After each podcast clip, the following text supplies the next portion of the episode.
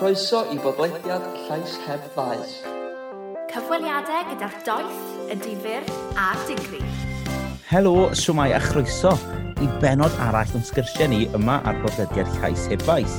Fi, Rhodri Davies, sydd gyda chi heddiw yn trafod effaith y coronavirus ar y sefyllfa Tregaron yn ymuno â mi mae Llywydd y Senedd a chydeirydd Pwyllgor Gwaith Eisteddfod Ceredigion 2021 bellach, Elin Jones.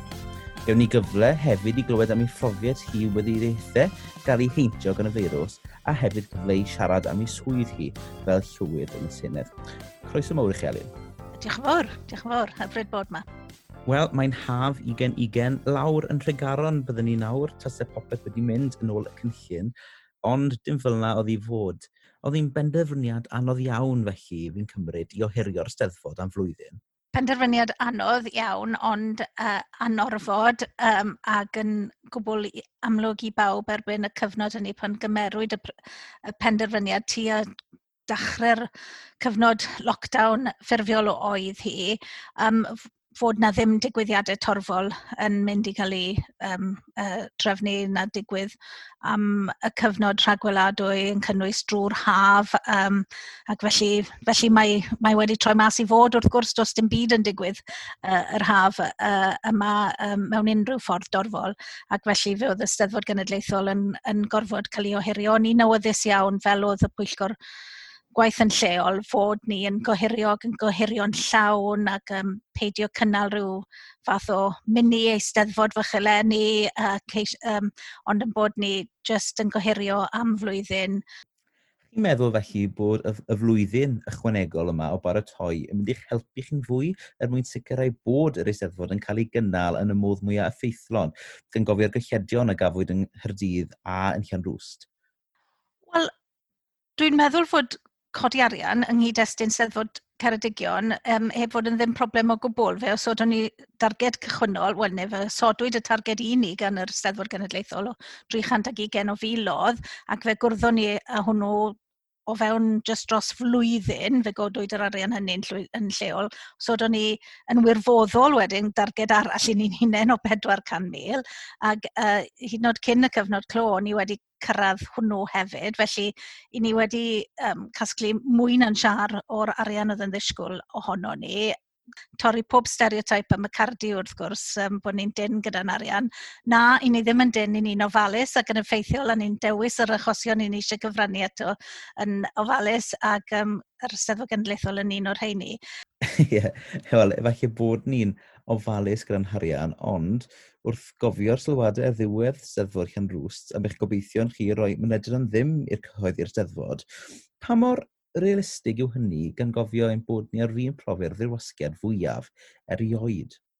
Ie, yeah, mae hwnna'n gwestiwn um, anodd i'w ateb ar hyn o bryd, dwi'n meddwl. Um, fe oedd yna drafodaethau rhwng yr Eisteddfod Genedlaethol a Llywodraeth Cymru.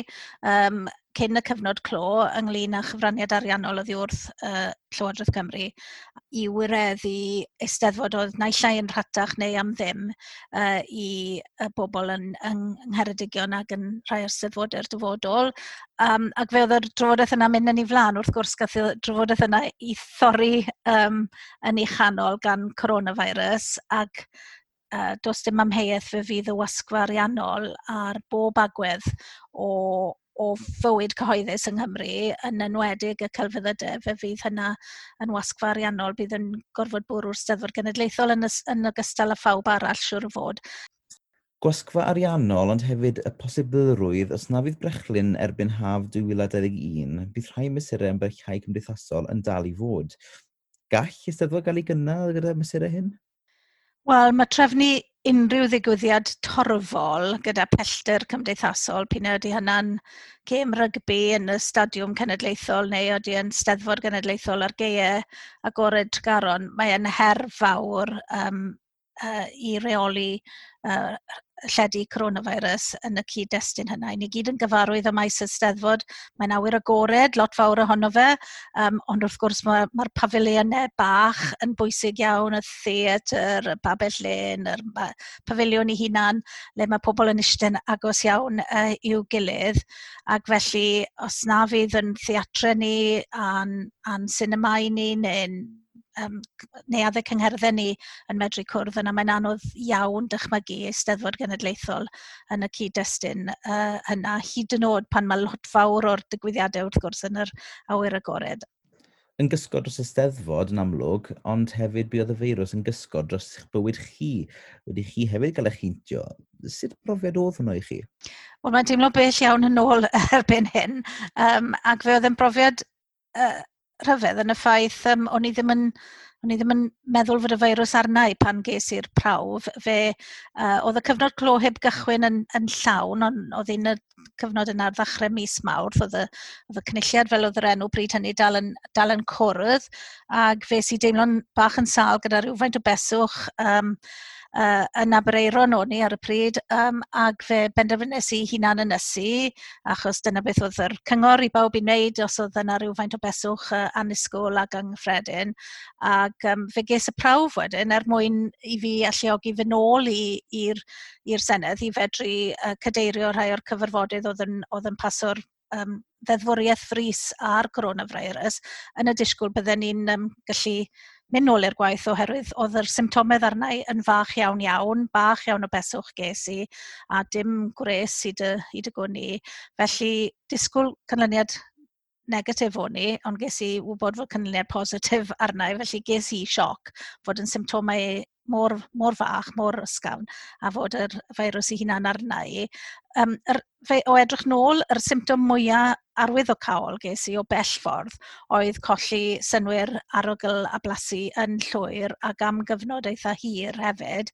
Felly um, dwi'n gwybod fod ni wedi cael y feirws achos oedd yr symptom yna, yna mor grif arna i fi es i'n lwcus iawn wrth gwrs fod ni ddim wedi cael y symptomau lawer yn oddach. Mae gymaint o bobl wedi gorfod delio â nhw, felly o'n i'n lwcus iawn o ran hynny. Ac nes i sôn yn gyhoeddus fod ni wedi cael y canlyniad positif oherwydd o'n i eisiau fod pobl yn ymwybodol, fod yn bosib gyda tymau bach iawn o beswch i fod yn mynd yn byty'r lle um, yn heintio pobl eraill heb feddwl fod, fod yr, fod yr um, clefyd arnoch chi a fod angen bod yn ofalus iawn hyd yn oed o'r symptomau ysgafn yn ni.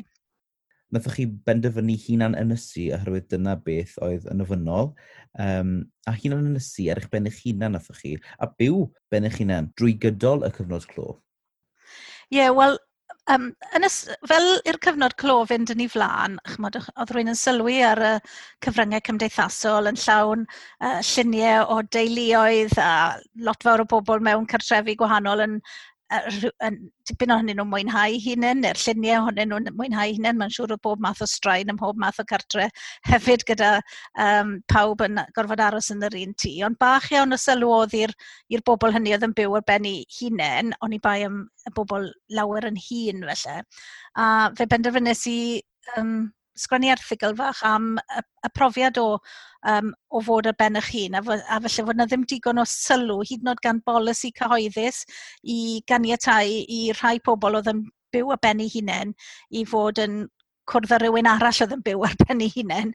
Chi'n meddwl bod Llywodraeth Cymru felly wedi ymateb yn rhy araf gyda mesur i gyflwyno bybl cymdeithasol fel gwnaeth Llywodraeth Boris Johnson ynghynt? Wel, fe nath yr Alban hefyd, um, Llywodraeth Nicola Sturgeon a, a Llywodraeth Boris Johnson ddod ar bybl yna mewn yn uh, dipyn cynt na Chymru. O'n i, uh, ges i, um, o'n i bach yn rhwystredig fod na ddim bybl yn cael ei greu ynghynt um, uh, yng Nghymru. Um, A fel oedd i bawb yn ystod y cyfnod clo, ond fe, oedd rwy'n yn hapus iawn gyda lot fawr o'r mesurau diogelwch a newidiadau i, iddyn nhw. Um, ond oedd yn ambell i fesur, oedd yn effeithio'r wahanol bobl ar wahanol amserau, oedd, oedd wahanol bobl eisiau symud bach ynghynt um, uh, arnyn nhw. I fi, yr un ar y bybl oedd e, o'n i wedi gobeithio bydde Llywodraeth Cymru wedi gweld yr angen i roi y profiad um, pobl yna i'r unigolion yna yng Nghymru oedd yn byw ar ben eu hunain. Ie, yeah, chi'n gredu bod yn anodd iawn i chi, ond fi'n falch bellach bod hi'n bosib i bobl gael yr rhyngweithio cymdeithasol na sydd angen yn nhw. Chi gan eithrio'r bybl, sut ych chi'n meddwl bod Llywodraeth Lafur Cymru wedi mynd i'r afel a delio gyda'r argyfwng yma? Ar gyfan, dwi'n meddwl fod yr ymateb yn, um, yn, yn dda iawn gan bobl fan hyn yng Ngheredigion i yr mesurau mae Llywodraeth Cymru wedi i uh, cymryd. Uh, cyfnod clo yn paran yn, yn hir a yr, uh, symud oddi ar y cyfnod clo yn ofalus a gyda'r cymellion uh, cywir a gyda um, uh, a sicrhau taw y prif um, fwriad drwy'r amser yw diogelu uh, pobl uh, Cymru rhag y ferws yma. Felly um, meddwl hefyd rhywbeth sydd, um, sydd yn yn dda allan o hyn i gyd, os oes yna unrhyw dda ohono fe, yw y ffaith fod fwy fwy o bobl yng Nghymru yn ymwybodol fod y penderfyniadau yma am iechyd y cyhoedd, am redeg y gwasanaeth iechyd, am um, benderfyniadau ar um, yr economi, fod nhw'n cael eu cymryd yng Nghymru um, a gan Lywodraeth Cymru, a to, nid Llywodraeth Boris Johnson sy'n penderfynu i'r ysgolion yn agor yng Nghymru, neu ydy um, uh, uh, rheoliadau symud y newid taw Llywodraeth uh, Cymru sy'n penderfynu ar hynny erbyn hyn. a le mae'r penderfyniadau yn cael eu cymryd um, wedi, dod yn agos, uh, wedi dod yn fwy uh, cyfarwydd i bobl ac mae hwnna'n beth da o ran datganoli i'r hir dymor. Ie, yeah, wel na, oedd y wybodaeth na ddim yn gyfarwydd i'r rhain, nag oedd gyda ysgydegau'n dangos bod canran uchel yn dal i gredu bod penderfyniadau am iechyd cyhoeddus yng Nghymru'n cael ei wneud gan Lywodraeth Boris Johnson, sy'n anghywir ers blynyddoedd ddechach. Beth ych chi'n neud o sylwadau Lyn Eagle, aelod syneddol Torfain, yn llun ar galw i wneud mygydau neu orchydd gwyneb yn orfodol mewn ysbytau? Chi'n meddwl dylen nhw fod yn orfodol? Wel, i weid y gwir, ges i'n rhyfeddu braidd fod nhw ddim yn orfodol, um, felly o'n i ddim quite wedi ystyried tan y drafodaeth yma. Um, na, nad oedd un orfodol wrth i rywun gerdded mewn i sbyty i fod yn gwisgo um, mwgwd, ac felly um, bydden ni wrth gwrs yn... Dwi'n dwi'n hunan yn, yn gefnogol i wisgo mygydau nawr mewn mannau cyhoedd cyhoeddus o, o dan do le mae yna dipyn o bobl ac felly os ydy rhywun yn sôn am archfarchnadoedd a siopeth a, a thymawr ac um, wrth gwrs ysbytau fydden ni'n gweld hynny fel, um, fel, um, uh, fel rhywbeth uh, penodol iawn i wneud. Chi'n syni felly bod Mark Drakeford heb wneud bod gyda wyneb yn orfodol mewn llefydd fel archfarchnadoedd er enghraifft? Wel, o wrando ar Mark Drakeford yn rhannu i, um, i farn ar hyn yn y Senedd yn ddiweddar, um, mae'n amlwg fod e'n y cyngor mae'n gael ac fod e'n teimlo fod ar hyn o bryd fod y clefyd yn ddigon isiel yn yn cymdeithas ni, fod dim angen yr mwgwd hynny yn enwedig ar hyn o bryd um, a fod, um, fod yn y dystiolaeth yn dangos fod bobl yn fwy yn, yn llai gofalus o hunain os ydyn nhw'n gwisgo mwgwd. Um, uh, dwi'n meddwl, ac dwi'n meddwl hyn yng nghyd-destun Ceredigion yn enwedig, mae gyda ni um, boblogaeth nawr yn ystod yr wythnosau nesaf yma, sydd yn boblogaeth gymysg o'r bobl leol, um, ac ymhlith y bobl leol hynny mae'r um, mae clefyd wedi bod yn weddol o, o eisiau wrth gwrs, ond wrth gwrs mae gyda ni boblogaeth o bob man yn dod i'n treithau ac i'n mynyddoedd ni ar hyn o bryd ac felly um, um, mae yna gymysgedd o boblogaeth a bydden ni'n meddwl fod, a mae hynna'n wir am lot fawr o lefydd yng Nghymru, um, fod un beth pwysig ar hyn o bryd i fod yn gwisgo mwgwd yn y llefydd um, yna, yn y siopau yna. Dwi'n meddwl amdanyn nhw pan dwi'n mynd i siopa yn Aberystwyth neu llambed nebryr, ond fod um, siopau yna'n teimlo lot mwy llawn erbyn hyn y beth o'n nhw nôl ychydig wythnosau nôl, ac felly fod mwgwd yn, yn ddoeth yn y sefyllfa yna. Ewn ni mlaen nawr i drafod eich rôl presennol chi yn y Senedd, uh, rôl eich hywydd mae'n rôl sy'n gofyn i chi reoli dydleon a felly cadw neutral. Chi'n meddwl bod hynny'n amharu ar eich pwer chi i ddadle dros y chosion sydd o bwys i etholaeth chi, sef Ceredigion?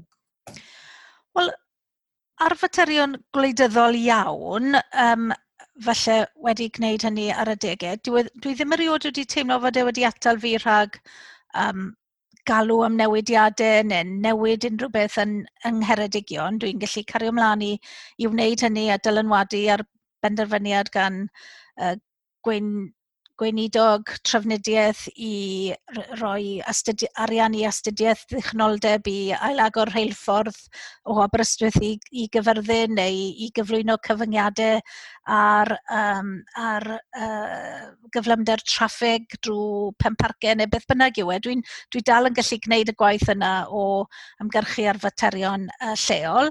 Fe o'n i hefyd yn newyddus iawn fod ni ddim yn cael yng ngheg am bopeth gwleidyddol chwaith, felly nes i ddim tewi um, pan uh, uh, oedd y cyfnod uh, Brexit, achos oedd gyda fi farn um, cyn iddi fi ddod yn llywydd ar Brexit, ac dwi ddim yn newid yn farn um, unwaith dwi'n llywydd oherwydd fy um, gwrthwynebiad i, i Brexit. Felly mae'n siŵr fy ni wedi bod yr llywydd sydd wedi bod mwyaf um, uh, cyhoeddus, llafar fy marn ar wahanol agweddau. E, dwi'n weddol o fywiog ar gyfryngau cymdeithasol ac felly dwi'n cael yn hunan mewn i rannu sylwadau yn y, yn y blaen ar y degau le dwi'n meddwl felly fod yn swyddogion i fel llywydd yn meddwl o, dyle di cadw mas o hwnna. Ond um, na, dwi'n dwi mynd i adael ei nhewi. Dwi, dwi ddim wedi teimlo fe yn yn atal i rhag wneud yng ngwaith i fel aelod etholedig uh, Ceredigion. Os bydden ni'n teimlo hynny, bydden ni ddim yn cario ymlaen i wneud e, achos dyna'r dyna rôl bwysicau i fi, dyna'r un gyson i fi um, dros yr 20 mlynedd diwethaf yma, a, a dyna'r un um, sy'n rhoi fwy o falchder i fi o hyd i'w cynrychioli pobl Ceredigion yn y Senedd Genedlaethol ni, ac um, os na bydde hwnna'n bwysig i fi, yna bydde um, bydden, bydde, bydde, bydde fe ddim yn gywir i fi fod yn neud y gwaith um, fel cynrychiolydd pobl Ceredigion. Chi'n sôn fyna am gyfryngau cymdeithasol. Fy wnaethoch chi nôl y mis Mehefin flocio'r aelod seneddol Neil McAvoy. Wedi sawl beirniadaeth honnoch chi. Um, a'i dyna'ch cyngor chi felly i bobl sy'n cael eu beirniadu ar gyfryngau cymdeithasol i, i, i flocio pwy bynnag sy'n neud y beirniadu yna? Wel, dwi'n meddwl fod e wastad yn bwysig i roi cyfle i bawb i um, gael trafodaeth gyda rhywun ar cyfryngau cymdeithasol, hyd yn oed os ydy rhywun yn angytuno ar farn. Dwi'n meddwl fod dau beth fan hyn. Os oes rhywun yn angytuno ar yn farnu ar rhywbeth ac yn um, trafod yr angytundeb yna, dwi'n, a maen nhw'n cadw iddyn ôl ata i a herio fi ar fy marn, yna um, bydden ni ddim yn blocio unrhyw un tebyg i hynna. Os ydy rhywun yn, yn um, tanseilio beirniadu yn bersonol drwy'r amser yna um, a ryw, mae rhyw bwynt yn dod i bob unigolyn, dwi'n meddwl, pan maen nhw, pan maen nhw'n penderfynu, uh, reit, digon yw digon, um, mae dy fi bethach bach yn hapusach i wneud gyda mywyd na jyst grondo ar y llif yma o, um, uh, o feirniadaeth um, personol. Um, ac felly, um, ar ôl rhyw ddwy dair blynedd o weld notifications beirniadol yn dod drwyddo yna mae rhywun yn cael llon bola. Ni'n gwybod bod yr hyn sy'n cael ei weid ar y cyfryngau cymdeithasol yn medru cael effaith dair ar rhywun. Gaf hyn effaith ar eich eich meddwl chi o gwbl? Na, dwi'n weddol o... Um, um, dwi ddim yn cael llawer o, um, o, um, o'n sarhau na, na beirniadaeth ar y cyfan dim i gymaru a, rha, a rhai pobl eraill mewn bywyd cyhoeddus sy'n cael ei targedu mae'n ymddangos i fi, yn enwedig menywod yn cael ei targedu a gwleidyddion menywod yn cael ei targedu um, gan, gan rai ac yn cael eu syrhau'n ddi, ddi ddiwedd. Um, dwi ddim yn cael llawer ohono fe a dwi'n ar y cyfan yn llwyddo i um, osgoi delwi ar rhywbeth fel ni yn, mm. uh, ormodol.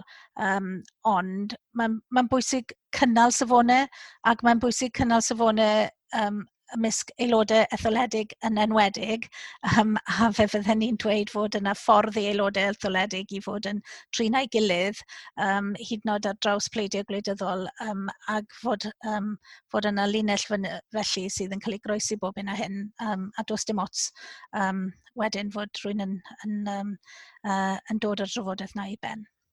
Nawr, yn sgil symudiad uh, Black Lives Matter, chi'n teimlo'ch bod chi wedi gwneud digon fel llywydd i hybu amrywiaeth o ran hil yn y Senedd? Wel, um, i ni fel Senedd yn rhan o gynllun um, mentora ar gyfer uh, pobl um, o o gefndiroedd ethnig uh, gwahanol hefyd o um, uh, cynlluniau mentora ar gyfer um, uh, pobl menywod hefyd sydd â diddordeb mewn bywyd cyhoeddus, um, bywyd cyhoeddus yn, yn um, uh, amlycach na dim ond, um, yn ehangach na dim ond gwleidyddiaeth wrth gwrs, mae unrhyw arweiniad o unrhyw feisydd uh, yn yn cymunedau ni ac mae'n bwysig fod fwy o fenywod a fwy o bobl o um, dras ethnig um, yn mynd mewn i'r meisydd hynny. Dwi'n bersonol wedi bod yn rhan o gynllun mentora le dwi wedi bod yn mentora dros y flwyddyn ddiwetha yma. Dwi'n uh, ifanc um, uh, uh, um, uh, uh, yn, uh, wedi ffoi o, o Twrci um, ac yn ffoadur felly um, a dwi wedi bod yn cael sgyrsiau diddorol iawn gyda ge dros yr, dros yr cyfnod yma i Fentora a hefyd i fi i ddysgu am ei gefndir e hefyd. Um, uh, mae rhywbeth fel yna'n gallu bod yn werthfawr o'r ddwy ochr. Ni'n gwybod bellach bod sawl swydd gyda chi. Cwedwch, siwt yn y byd i chi'n amlacio wedi diwrnod hir o gyfarfodydd? Um, Uh, Dwi'n trio gweud peidio mynd ar yn ffôn a rhoi uh, edrych ar gyfryngau cymdeithasol. Dyna'r peth diwetha dylen ni wneud ar, um, ar ddiwedd cyfarfod.